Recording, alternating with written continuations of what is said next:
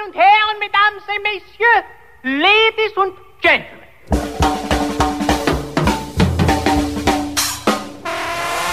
Izobraževalno glasbeni variate. Zofijini ljubimci.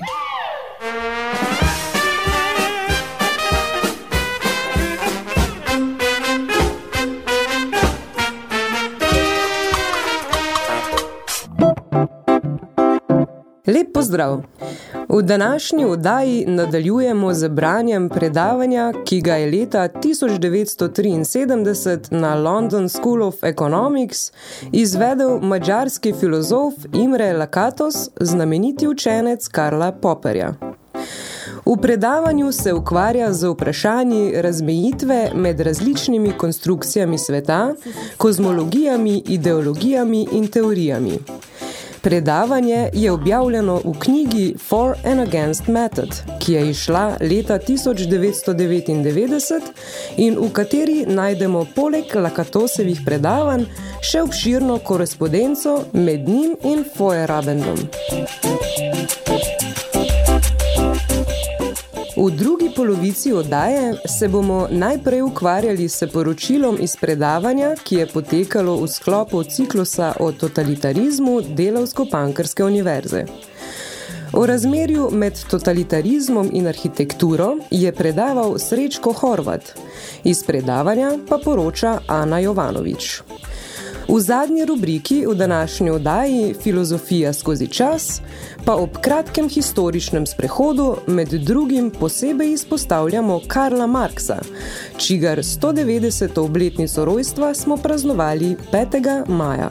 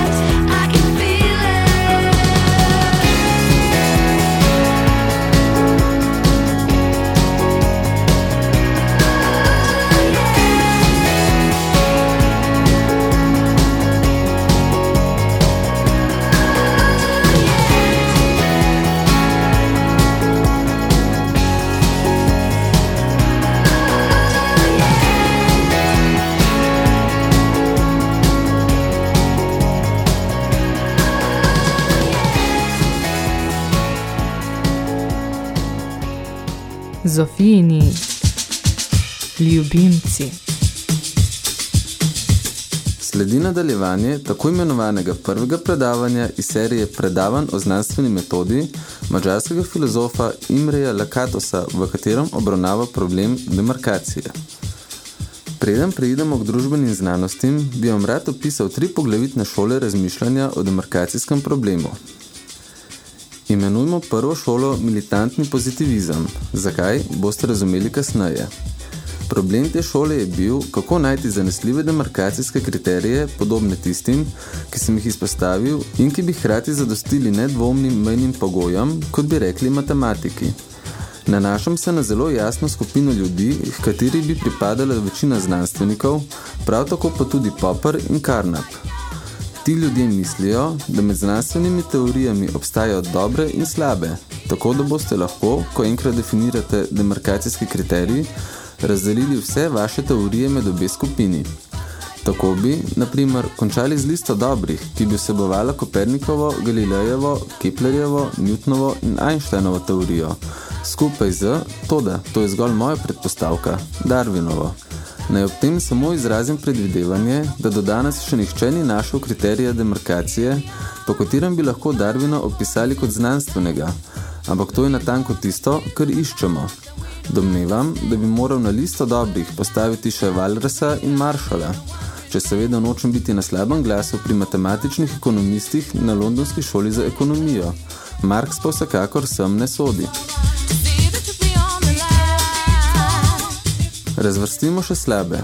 Velikovski bi bil pseudoznanstvenik in prav tako tudi Marx. Popper bi verjetno postavil Marksa med dobre, kar lahko izveste iz njegove Open Society, to da sovjetski marksizem, kakor so ga prakticirali v Sovjetski zvezi, bi šel med slabe. Tukaj bi seveda imeli še Freuda, Adlerja, Markuzeja in Levi Štrosa. Vendar pa to ni posem točno. Zakaj? Preprosto zato, ker kriterij demarkacije presoje teorije in ne ljudi, pa tudi ne njihovih izbranih del. Vemo, na primer, da je Newton napisal določena teleološka dela, ki vsebojo smešne ideje o padlih angelih, podobno Kepler, ki je imel nekakšne ideje o glasbeni harmoniji nebes. Ko govorimo o človeških bitih ali o tem, kako so reprezentirani v njihovih izbranih delih, Zatorej v resnici govorimo o zelo specifičnih in dobro artikuliranih teorijah in ne o ljudeh nasplošno. Skratka, po militantnem pozitivizmu je naš program ta, da najdemo definicijo, ki bi slehrno teorijo postavila na primerno mesto. No, preden se bom ukvarjal s tem raziskovalnim programom, bi rad omenil drugi dve šoli mišljenja.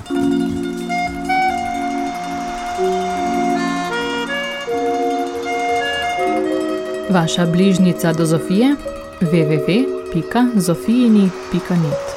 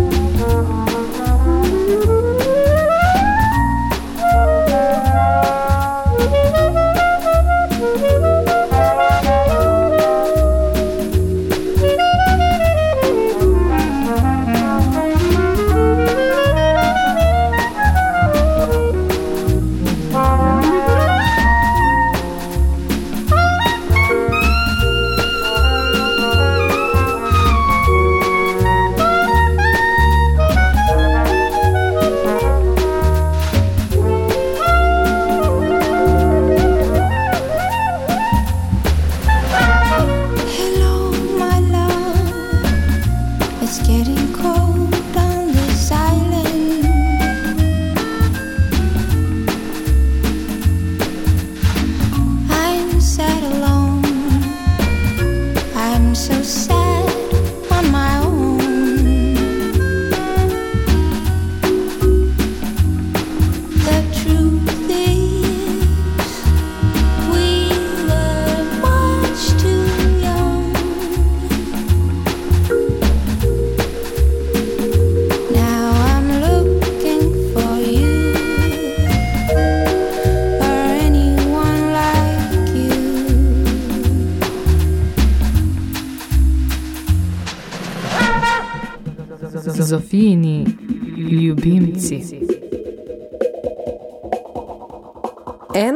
Šola mišljenja je znana pod različnimi imeni. Skepticizem, epistemološki anarhizem in kulturni relativizem. Vse to so sinonimi za tok razmišljanja, ki sega nazaj do antičnega skeptika Pirona in ima danes glavnega zagovornika v polu Feuerabendu, katerega delo proti metodi se je pojavilo kot četrta knjiga v zbirki Minnesota Studies. Če sledimo skeptikom, je problem demarkacije nerešljiv. Razlog je zelo enostaven. Demarkacijska linija ne obstaja. Epistemološko rečeno, vse teorije so enakopravne. Skepticizem smatra, da so znanstvene teorije zgolj še ena družina prepričan in da je njihov rang enak s tisočimi drugimi družinami različnih prepričanj. Nobena od teh družin ali sistemov nima nič bolj prav kot druga, vendar imajo nekatere več oblasti. Čeprav lahko v posameznem sistemu prepričan pride do sprememb, pa napredek ne obstaja. Se stališča pozitivistov obstaja tok napredka, ki vodi vsaj do Einsteina, toda epistemološki anarhisti na takšen napredek ne pristajajo. Kar vidijo, so samo spremenljive metode, tako imenovani učinek priključevanja večini. Ta šola mišljenja, ki je bila s fenomenalnim uspehom newtonovske znanosti začasno utišana, se danes zopet postavlja na noge. Glede na njena stališča je filozofija znanosti povsem legitimna aktivnost. Nekdo lahko ima kriterij demarkacije, vendar sme ali ne sme z njim vplivati na druge ljudi.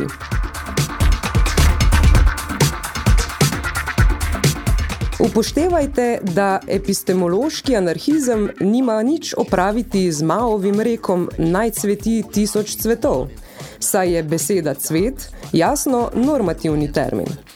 Raje naj cvetovi in plevel cvetijo skupaj, kajti med njimi ne obstaja linija demarkacije. To predstavlja zelo pomemben problem. Feyerabend nima absolutno nobenega namena, da bi komorkoli usiljeval subjektivno razlikovanje med svetjem in plevelom. Sleherni sistem prepričan, vključno s Popperjevo filozofijo znanosti, lahko svobodno rase in vpliva na kogarkoli, vendar nobeden ne more zahtevati epistemološke superiornosti. Kako pa je z intelektualno poštenostjo? Tudi ta predstavlja zelo zanimiv problem. Stališča militantnega pozitivizma je objava česarkoli pseudoznanstvenega preprosto nepoštena. Seveda, lahko se ne strinjamo glede tega, kaj je znanstveno.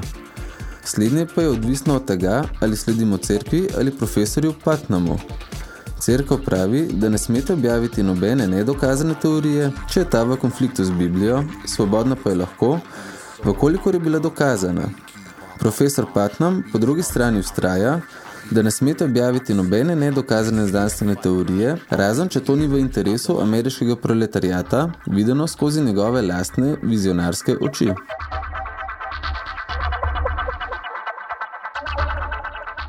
Po Popperju intelektualna nepoštenost pomeni podpiranje teorije, ne da bi specificirali eksperimentalne pogoje, na osnovi katerih bi jo opustili. Spomnim se, da sem marksistom in freudovcem v svojih poprijanskih dneh imel navado postavljati naslednje vprašanje. Povej mi, kateri posebni zgodovinski ali socialni dogodek se mora pripetiti, da se boš odrekel svojemu marksizmu. Spomnim se, da je vprašanje običajno pospremila bodi si zmeda, bodi si osupljiva tišina, to da bil sem zelo zadovoljen z učinkom. Mnogo kasneje sem isto vprašanje zastavil prominentnemu znanstveniku, ki ni mogel podati nobenega odgovora, kaj ti, kot je dejal, anomalije seveda vedno vznikajo, vendar jih vedno sleko prej nekako rešimo. Prav to je razlog, zaradi katerega imajo po Feuerabendu, ki je stopil po poparevih stopinjah, vsi ti kriteriji za intelektualno poštenost eno samo funkcijo. Predstavljajo prazno retoriko, s katero zastrašujejo šolsko mladino. Feuerabendov edini nasvet je ta, da ohranite zastobo sami sebi, počnete svoje stvari in se ne dopustite, da vas presojajo. K temu pristavlja, da ima poleg predavanj iz logike tudi predavanje o črni magiji in drugih podobnih alternativah. Feuerabendovemu stališču se ne moremo smejati. Naprimer, lahko razmislimo o stopni smrtnosti med krščanskimi znanstveniki, ki ne sprejemajo umetne medicinske pomoči in želijo le, da jih ozdravi Bog. Zanimiva stvar v tem primeru je, da njihova stopnja smrtnosti ni nič kaj opazno višja kot med akademiki. Včeraj sem naletel na zanimiv primer v časniku The Observer, morda ste ga videli tudi vi, ki govori o dveh ducatih psihiatrov, ki so pod izmišljenimi imeni obiskali druge psihiatre, ti pa so jih utaknili v umobolnice.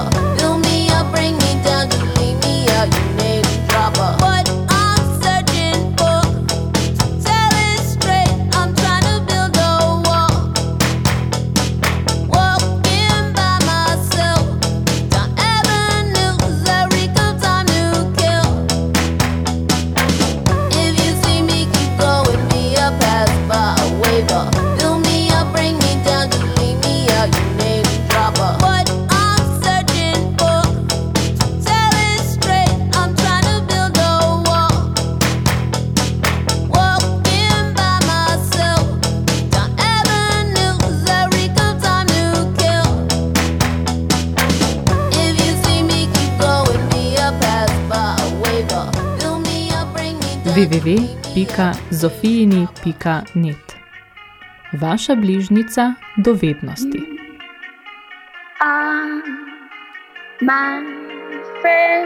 Poslušate Zofijine na Radio Marš. Beremo predavanje o znanstveni metodi mačarskega filozofa Imreja Lakatosa, v katerem obravnava problem demarkacije. Skeptiki lahko potem takem vedno pokažejo na zmotljivost znanstvenih teorij in občasno imajo prav. Tudi ne sledi nujno, da bolj kot je neko prepričanje znanstveno, srečnejši bodo ljudje. Pomislimo na primer na Švede, ki imajo najbolj dovršeno socialistično družbo v Zahodnji Evropi in za katere se zdi, da so zelo zadovoljni s seboj na moralnem področju, če vzamete v račun intenzivnost njihovih protivietnamskih aktivnosti. In vendar imajo višjo stopnjo samomorov, kot denimo ljudstvo Azande. Tudi za Freudovo teorijo in marksizem se zdi, da posedujeta nekaj, kar manjka Einsteinovi teoriji o kvantni elektrodinamiki.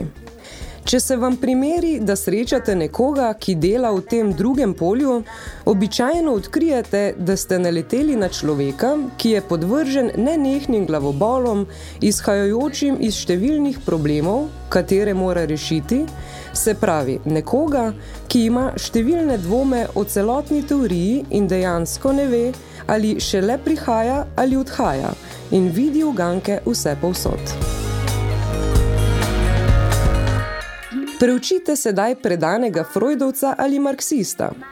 Živi v srečnem stanju, lahko razloži prav vse in uživa v tem ugodnem sproščenem stanju uma, imenovanem razumevanje.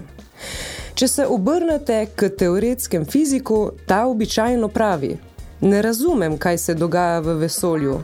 Imam nekaj teorij in občasno moji eksperimenti delujejo. Toda še vedno ne razumem, kaj je Bog mislil s tem kaosom. Freudovski ali marksistični pristop po drugi strani vse postavi na svoje mesto.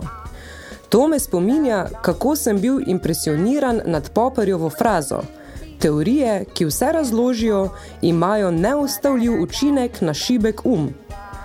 Fraza je, seveda, sarkastična. Kljub temu pa nekatera prepričanja naredijo ljudi srečnejše kot druga. Po epistemološkem anarhizmu je intelektualni vpliv neposredno proporcionalen z vokalno energijo, vero in propagandnimi veščinami tekmujočih skupin. Mislim, da bi bilo bolje, če se k tej šoli vrnem kasneje, vendar bi rad, da verjamete, da sem se pošteno ukvarjal z njihovo rešitvijo demarkacijskega problema, ki ima določeno privlačnost. Skeptiki, pa ne vsi, ponavadi pravijo, resnica, takšna beseda ne obstaja.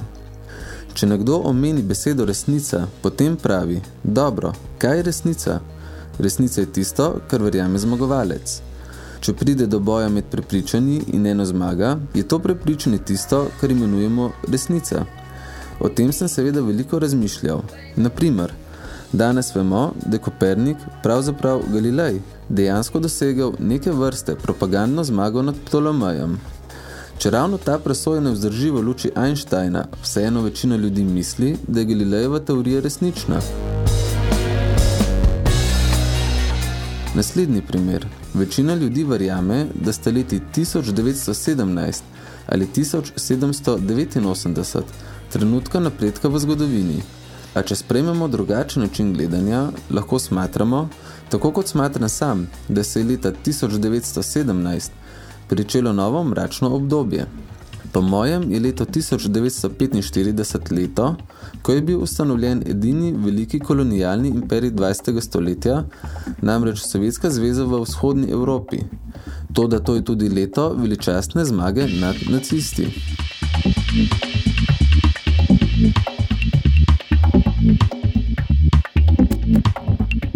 Kot lahko vidite, obstajajo številne prepričanja in številne točke pogleda. Kdo lahko reče, katera je boljša? Seveda, če je teorija točna, tedaj ne bomo nikoli prišli do definicije demarkacije. Lakatosovo predavanje v nadaljevanju preide iz kritike nove levice na kritiko desnice, odkoder izpelje sklep, da si v resnici ne želimo ne enih, ne drugih. Istočasno se seveda zavzame za nujnost metode, na osnovi katere bi lahko utemeljil razlikovanje med različnimi konstrukcijami sveta. Dejstvo je, da je Lakatos takšno metodo izdelal. Poimenoval jo je metodologija znanstvenih programov, ki jo je predstavil v številnih publikacijah in na predavanjih. Pričujoče predavanje je v celoti objavljeno v knjigi For and Against Method.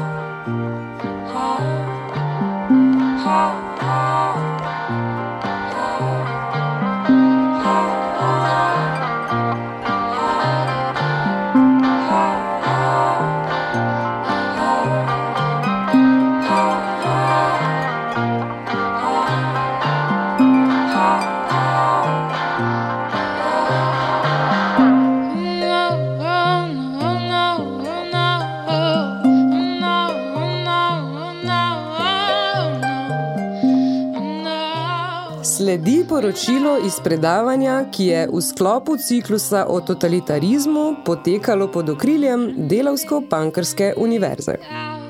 O razmerju med totalitarizmom in arhitekturo je predaval Srečko Horvat, mladi teoretik iz Zagreba, ki je predavanje naslovil z retoričnim vprašanjem.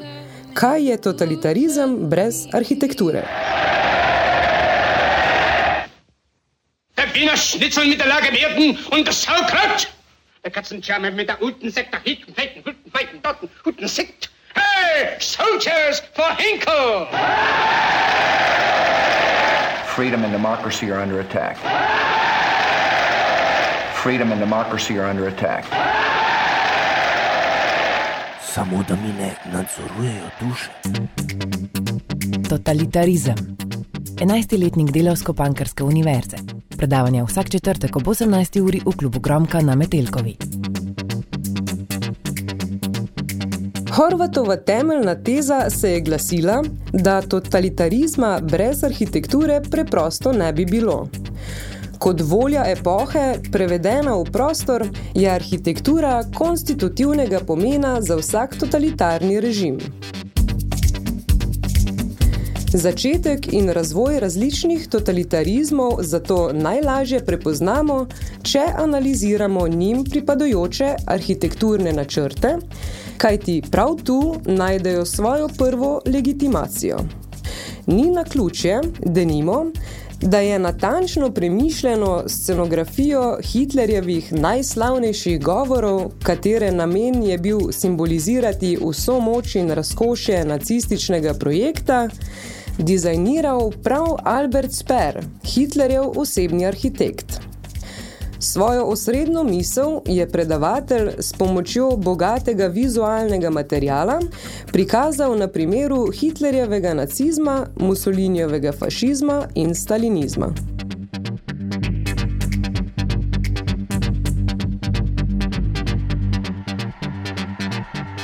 Zloglasna trojica totalitarnih vodij, Hitler, Mussolini in Stalin, je že zgodaj opazila izjemno moč, ki jo v sebi skrivajo zgradbe. Prvi pomenljivi primer totalitarističnega urbanizma in arhitekture predstavlja Mussolinijeva izgradnja fašističnega Rima, ki je kmalu zatem služila kot zgled za Hitlerjev Berlin in Stalinovo Moskvo.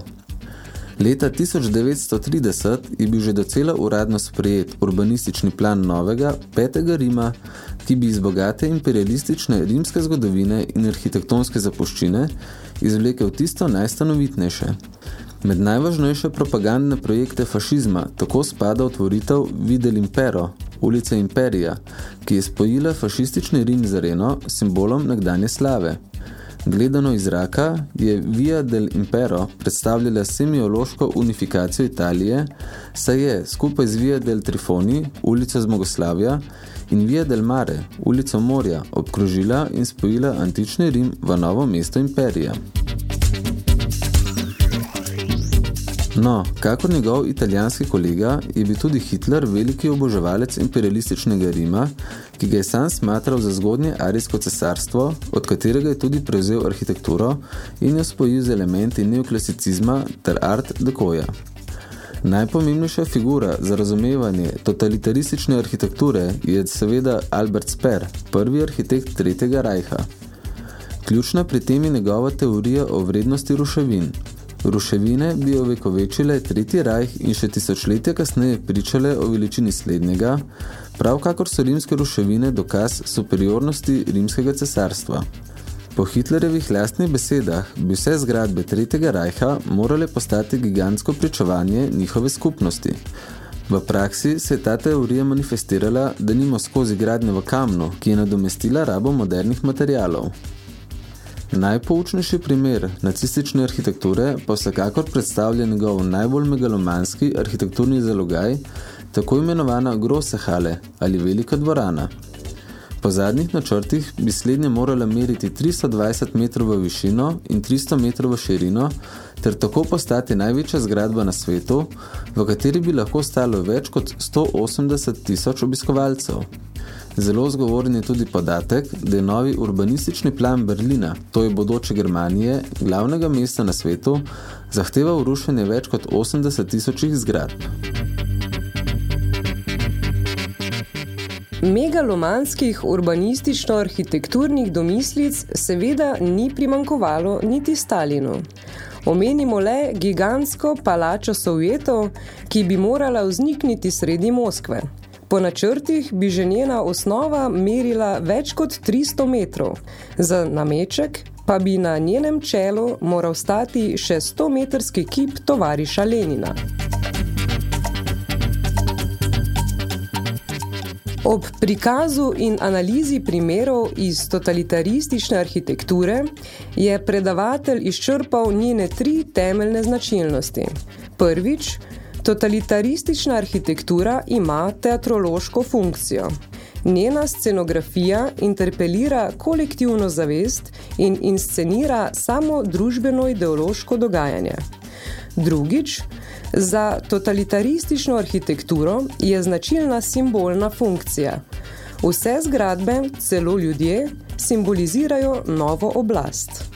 Na zadnje, Totalitaristična arhitektura ima tudi didaktično funkcijo.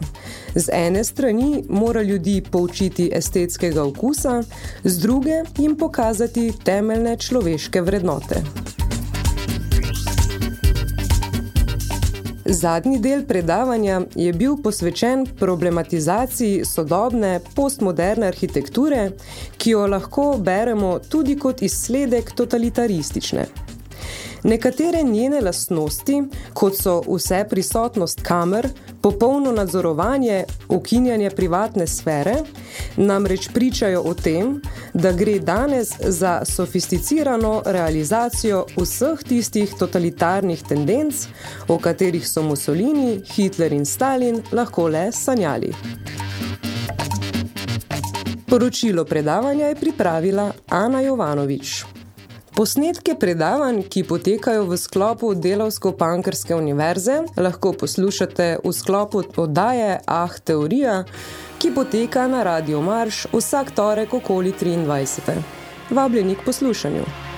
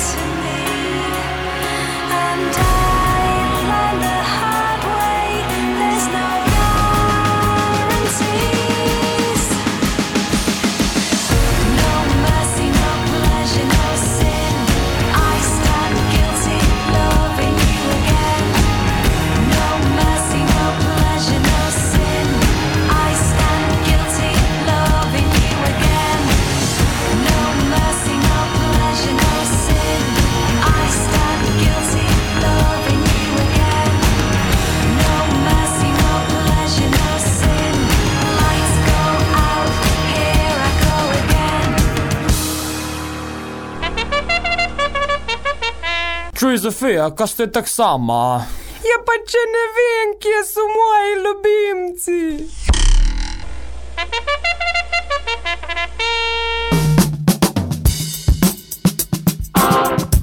Filozofija skozi čas.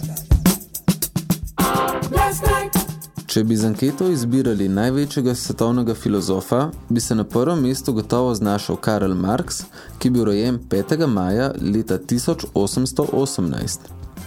Marx je nesporno vodilni filozof svoje generacije, V zgodovini filozofije je bilo običajno, da se je skozi filozofijo prizadevalo priti do nadzgodovinske božanskosti, pa ne gre v tem primeru za Platona in Hegla ali pa za neevropske primere filozofov, kot so indijski monist Shankara, kitajski neokonfucijanec Sun Tzu in islamski antifilozof Al-Ghazali.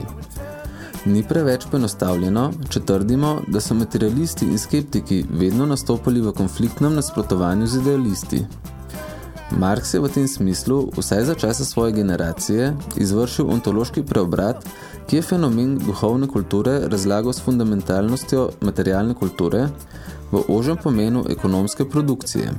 Naenkrat so širom sveta idealisti postali tisti, ki so bili primoradni referirati na materialiste in ne obratno. Marksov preobrat je zanimiv tudi z eksistencialističnega vidika. Če je bila stoletja smiselno razpredati o obstoju Boga, o statusu substance, čutnih kvalitetah, o človekovi svobodni volji in tako dalje, so z razvojem kapitalizma postale ta vprašanja nesmiselna. Kako nesmiselna? Predstavljamo si filozofa, nelastnika proizvajalnih sredstev, ki v svojem fohu ne najde službe oziroma vira preživljanja in ki se lahko kot svoboden iskalec zaposlitve ponudi na svobodnem trgu delovne sile.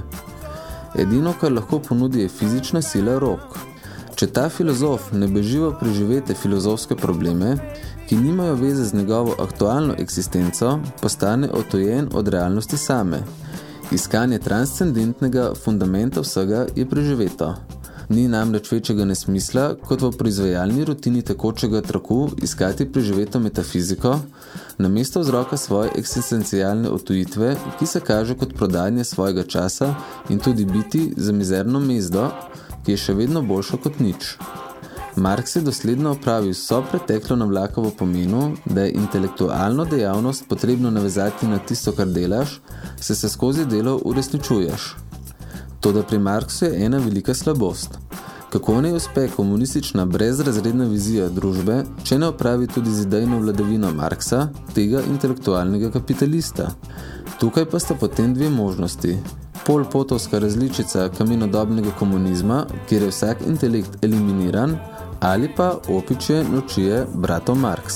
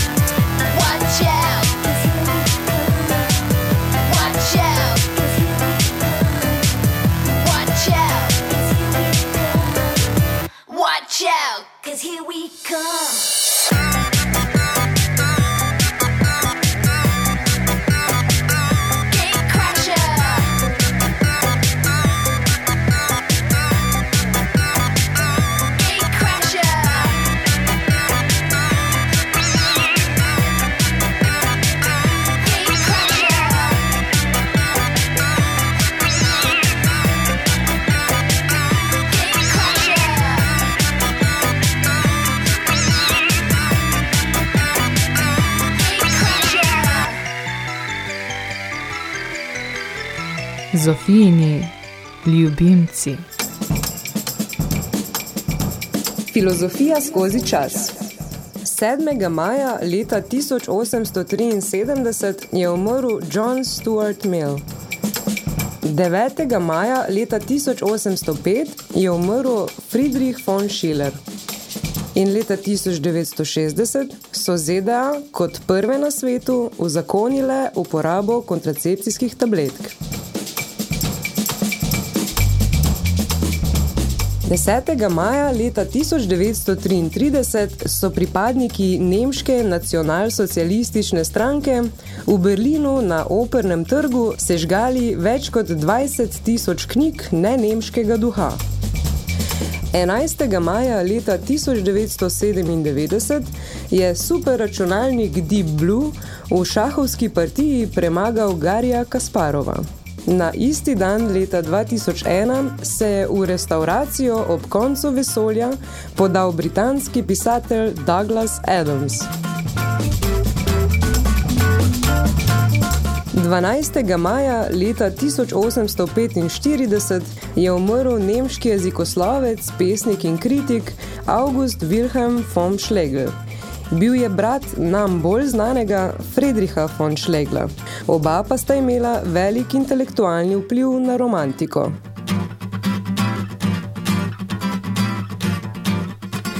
Dvanajstega maja leta 1978 se je Mednarodni meteorološki inštitut odločil, da hurikanov ne bodo več poimenovali izključno ženskimi imeni. Ko bo za poimenovanje hurikanov zmanjkalo tudi moških imen, jih še vedno lahko poimenujejo po filozofih.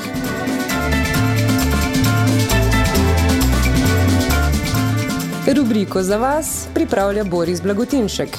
Obiščite filozofski forum Mislec www.mislec.net Kenne nur eins die Liebe und erkenne, dass nichts anderes der Mühe wert ist. Ein Schauspieler!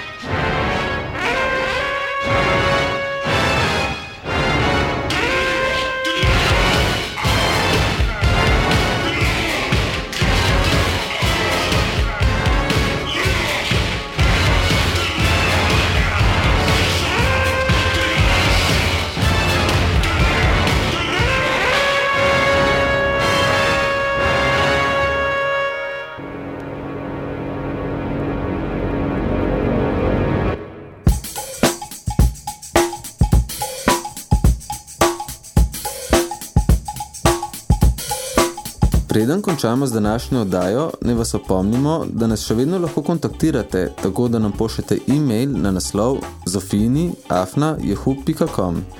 Kličemo vas, da za trenutek odložite delo in z nami javno podebatirate na internetnem forumu Mislec, katerega naslov je trikratvojniv.mislec.net.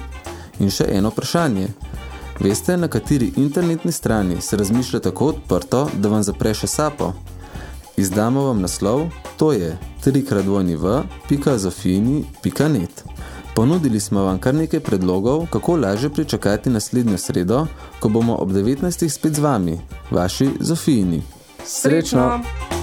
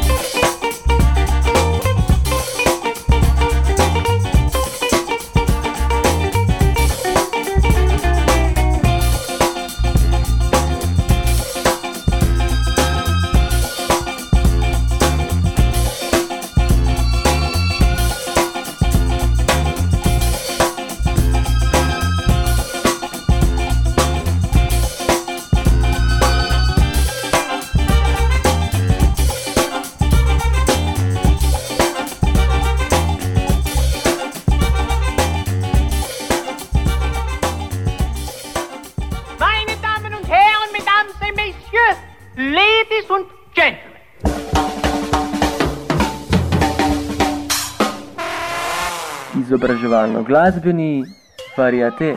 Zofijini ljubimci.